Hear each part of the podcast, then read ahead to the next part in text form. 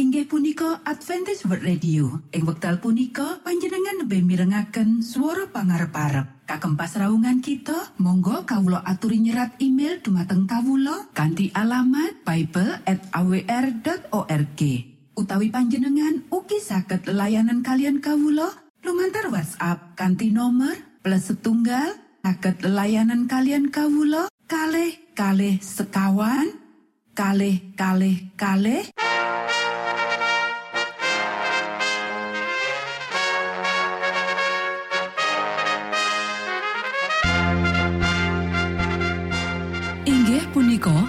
Adventist World Radio ingkang giaran kanti basa Jawi. Tentrem Rahayu kula aturaken kagem para mitra kinasih ing pundi papan lan panggonan. Sugeng pepanggian malih kalian Adventist World Radio. Kanti bingahing manah Kulo badi sesarengan kalian poro mitra kinasi. Lumantar saperangan adicara ingkang sampun rinonci. Mligi kagem panjenengan sami. Mugi giaran punika saged migunani tuen dados berkah kagem kita sedoyo. Sugeng midhangetaken Gusti amberkahi.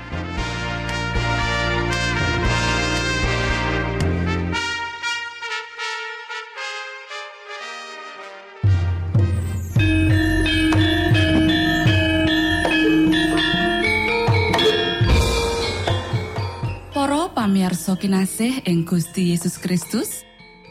Ing wekdal punika, kita badhe sesarengan ing adicara ruang kesehatan. Ingkang saestu migunani kagem panjenengan saha kita sami. Tips utawi pitedah ingkang dipun aturaken ing program punika tetales dawuhipun Gusti ingkang dipunnyatakaken ing kitab suci. Semanten ugi sakehing seratan ingkang dipun wangsitaken dening Gusti Allah. Nanging saderengipun monggo kita sami midhangetaken kidung pujian.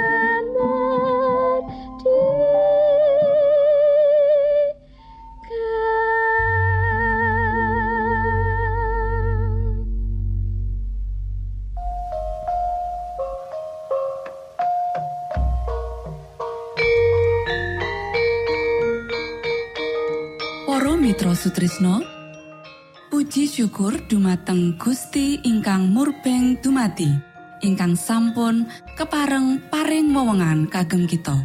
Satemah saged nglajengaken ruang kesehatan. Pirembakan kita semangke kanthi irah-irahan. Ngladekake panganan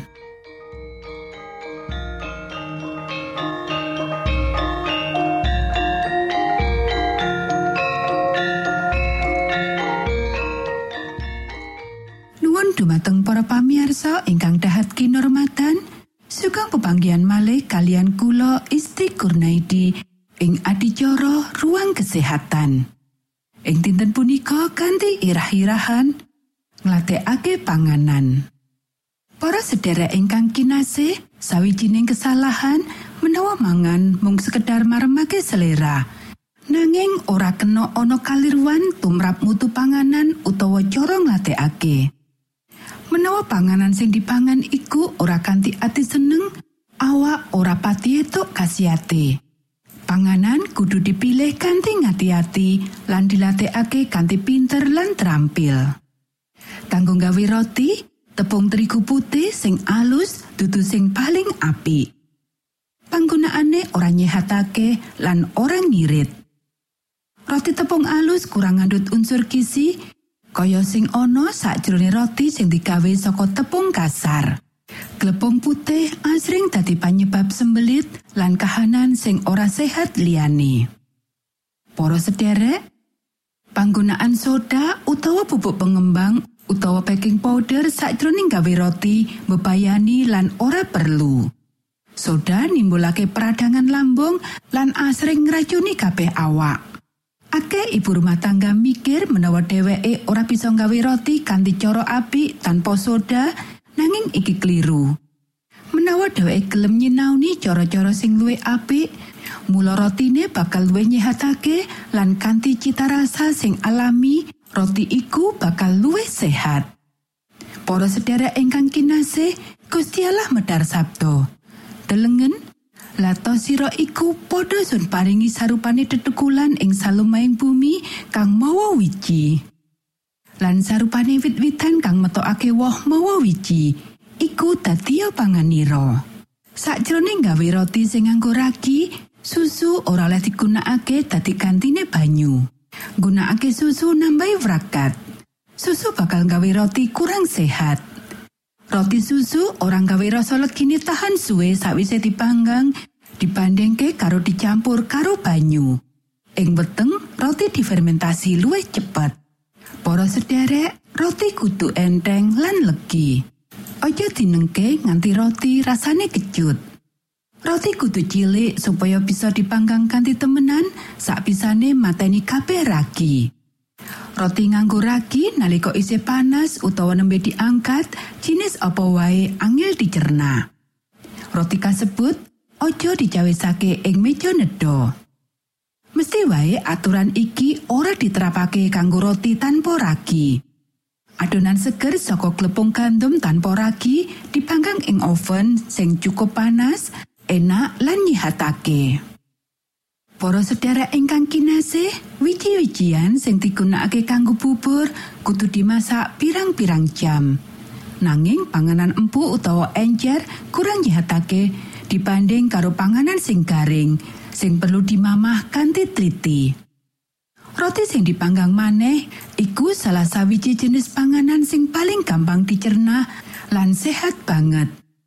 Mugi roti bisa ditugel-tugel lan digaringke sakjroning oven anget nganti kabeh kalembapane ilang. Banjur dienengake nganti wernane setitik rada kecoklatan sakabehe. Menawa disimpen sakjroning wadah sing garing, roti iki bisa disimpen luwih suwe tinimbang roti biasa. Lan menawa dipanaske maneh sadurunge dipangan, bakal padha segere karo roti anyar. Para sederek, biasane kakean gula digunakake sakjroning panganan.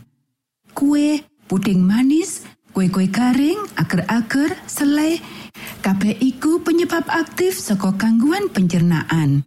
Khususnya bebayani yaiku kue tart lan puding ing endi susu, endok lan gula iku dadi bahan utamane. Panggunaan susu lan gula kanthi bebas lan bareng-bareng kudu diendani. Menawa nggunakake susu, mula bahan iku kudu disterilke kanthi apik. Menawa mituruti pepeling iki, bakal kurang bahayane nandang loro akibat panggunaane. Mentega kurang bebayani menawa dipangan bareng roti sing adem ketimbang digunakake sakjroning panganan. Nanging dadi aturan luwih apik nyingkirake babar pisan. Keju isih luwih diragokke, babar pisan ora cocok kanggo dipangan. Matur nuwun Gusti amberkahi.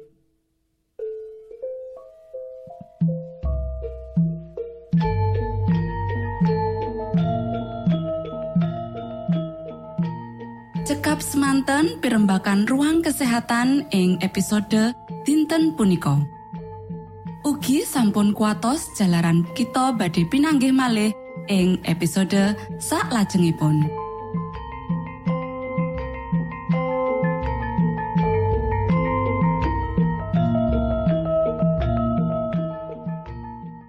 Inggih punika adicara ruang kesehatan.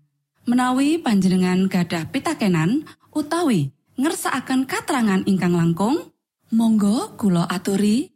Kinton email dateng alamat ejcawr@ gmail.com utawi lumantar WhatsApp kanti nomor 025 pitu 00 songo songo papat 00 pitu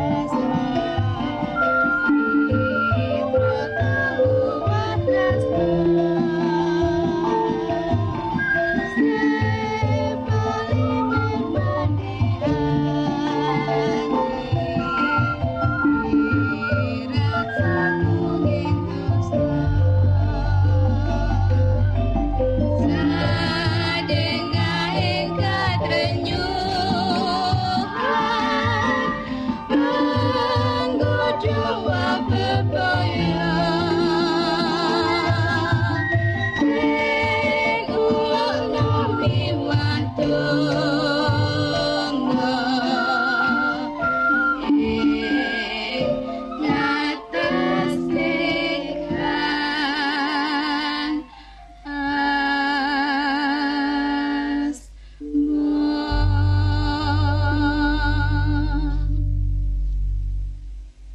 Salajengipun, monggo kita sami midhangetaken mimbar suara pengharapan. Angkat nafiri kanti pawarto Sang Kristus paderamu. Pro umat samyo puji asmanyo Sang Kristus paderamu. Inggih punika mimbar suara pengharapan ing episode punika kanthi irah-irahan Menapa tegesipun sabdanipun Gusti kagem kita? sugeng minangka tondo Sang Kristus paderamu ilmu kawero tambah tambah.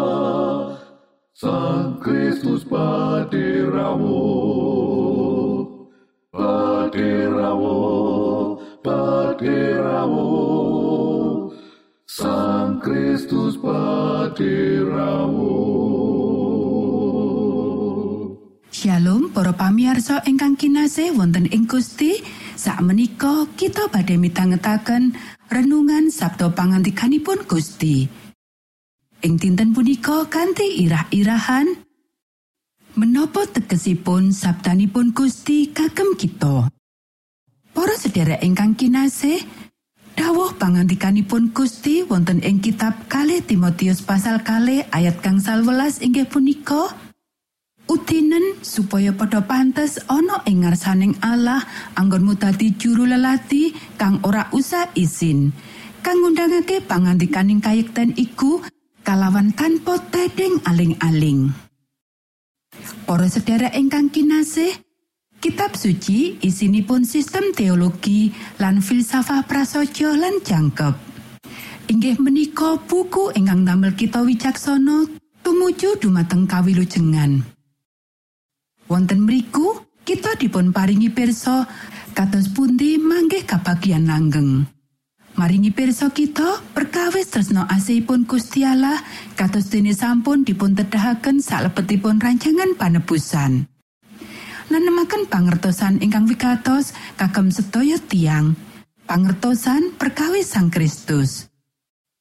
Panjenenganipun menika dutanipun Gusti Allah. Panjenenganipun menika pangripta kawilujengan kita. Namung lepat saking sabdanipun Gusti Allah, kita mboten pangertosan bilih Gusti Yesus nate ngrawuhi jagat. Mboten ugi pangertosan perkawis keilahianipun kados dene katitik kalian lenggahipun ingkang saderengipun sesarengan Sang Rama. Para sederek, kitab suci boten dipun serat kagem para sarjana mawon. Kosok wangsulipun menika dipun rantam kagem kawula sedaya. Kalersan kalersan ageng ingkang dipun perloaken kagem kawilujengan kita dipun damel gamblang kados yang ari lan boten wonten ingkang lepat utawi nyingkur kejawi tiang-tiang ingkang ngetut uri pemanggihipun piyambak kantosipun karsanipun Gusti Allah ingkang kanthi gamblang dipun andharaken. Sabtanipun Allah ngetingalaken saben tindakan wiyosipun kapribatosan ingkang klentu lan metha sedaya jati dirinipun tiang saking lebet utawi saking jawi. Nyingkiraken raos gumunggung lan nginggilaken diri nuntun tiang menika ngastara Kristus dumateng salebetipun cecibahan-cecibahan pagesangan ingkang alit utawi ingkang ageng. Sabto menika mucalaken sedaya tiang kagem tetep setya dumateng keadilan lan kamurnen lan wekdal ingkang sami tansah sae lan welas asih. Para sedherek ingkang kinasih, pangajeng-ajeng dumateng kitab suci tuwuh nalika nyinaoni. Dumateng pundi kemawon ancas ingkang dipun tuju ingkang nyinaoni kawicaksanan langgeng lan tresno asihipun Gusti Allah dipun tedahaken. Dumateng sedaya tiang ingkang estu-estu meratobat, sabdanipun Gusti Allah menika sukorno lan panglipuran sak lebetipun gesang. Roh Gusti Allah ngendika dumateng tiang-tiang lan manahipun dados kados taman ingkang subur. Para sedherek ingkang kinasih, boten wonten pangertosan ingkang sanget kiat, sanget mesti, sanget wiyar ingkang dipun kesangaken lumantar sih palinirmanipun Sang Kristus. Sabtanipun Gusti Allah badhe ndamel kita sampurno ing jagat menika kanthi tunggalipun kapribatosan ingkang dipun condongaken kalian pagesangan langgeng ing wekdal ingkang badhe dateng. Tiang-tiang ingkang nyinaoni sabdo nampi salebetipun kapitatosan dados kaleresan lan gesangaken wonten ing kapribatosan badhe sampurno ing salebetipun panjenenganipun. Jaoso syukur dumateng Gusti Allah amargi kemungkinan-kemungkinan ingkang wonten ing sangajengipun manungsa. Monggo kita sami ndedonga. Duh Rama kawula ingkang wonten ing swarga, asma patuko mugi kasucikaken. Kraton patuko mugi rawuh. Karso patuko mugi kalampahan wonten ing bumi kados dene wonten ing swarga. Kawula mugi kaparingan rejeki kawula sak cekapipun ing dinten punika. Soho patuko mugi ngapunten kalepatan kawula Kados dene kawula inggih ngapunteni tetiang ingkang kalepatan dhateng kawula. Punapa dene kawula mugi sampun ngantos katantukaken dhateng ing panggoda. Nanging mugi sami patuko uwalaken saking piawon. Awit dene patuko ingkang kagungan kraton saha wiseso tuen kamulian salami laminipun. Amin.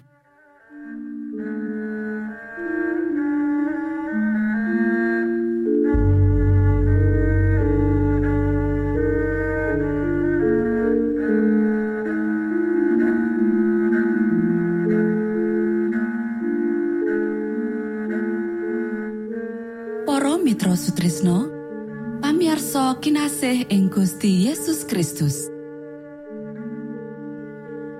Sampun paripurno pasamuan kita ing dinten punika. Menawi panjenengan gadah pitakenan utawi ngersaakan seri pelajaran Alkitab suara nubuatan Monggo Kulo aturi kinton email dateng alamat ejcawr at gmail.com utawi lumantar WhatsApp kanti nomor 025 pitu 00 songo songo papat 00 pitu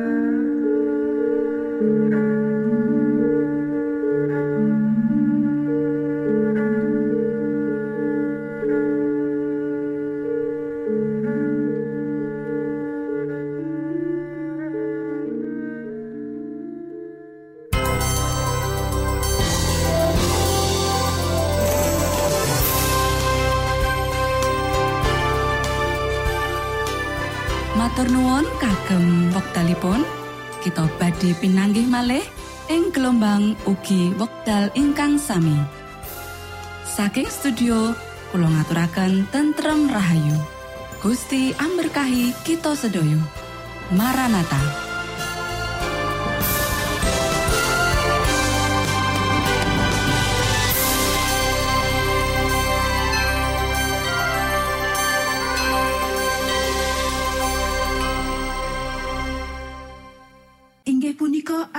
World Radio. Ing wekdal punika panjenengan lebih mirengaken suara pangarep-arep. Kagem pasraungan kita, monggo kawula aturi nyerat email dumateng kawula kanthi alamat bible@awr.org. Utawi panjenengan ugi saged layanan kalian kawula lumantar WhatsApp kanthi nomor plus setunggal saged layanan kalian kawula kalih kalih sekawan kalih kalih kalih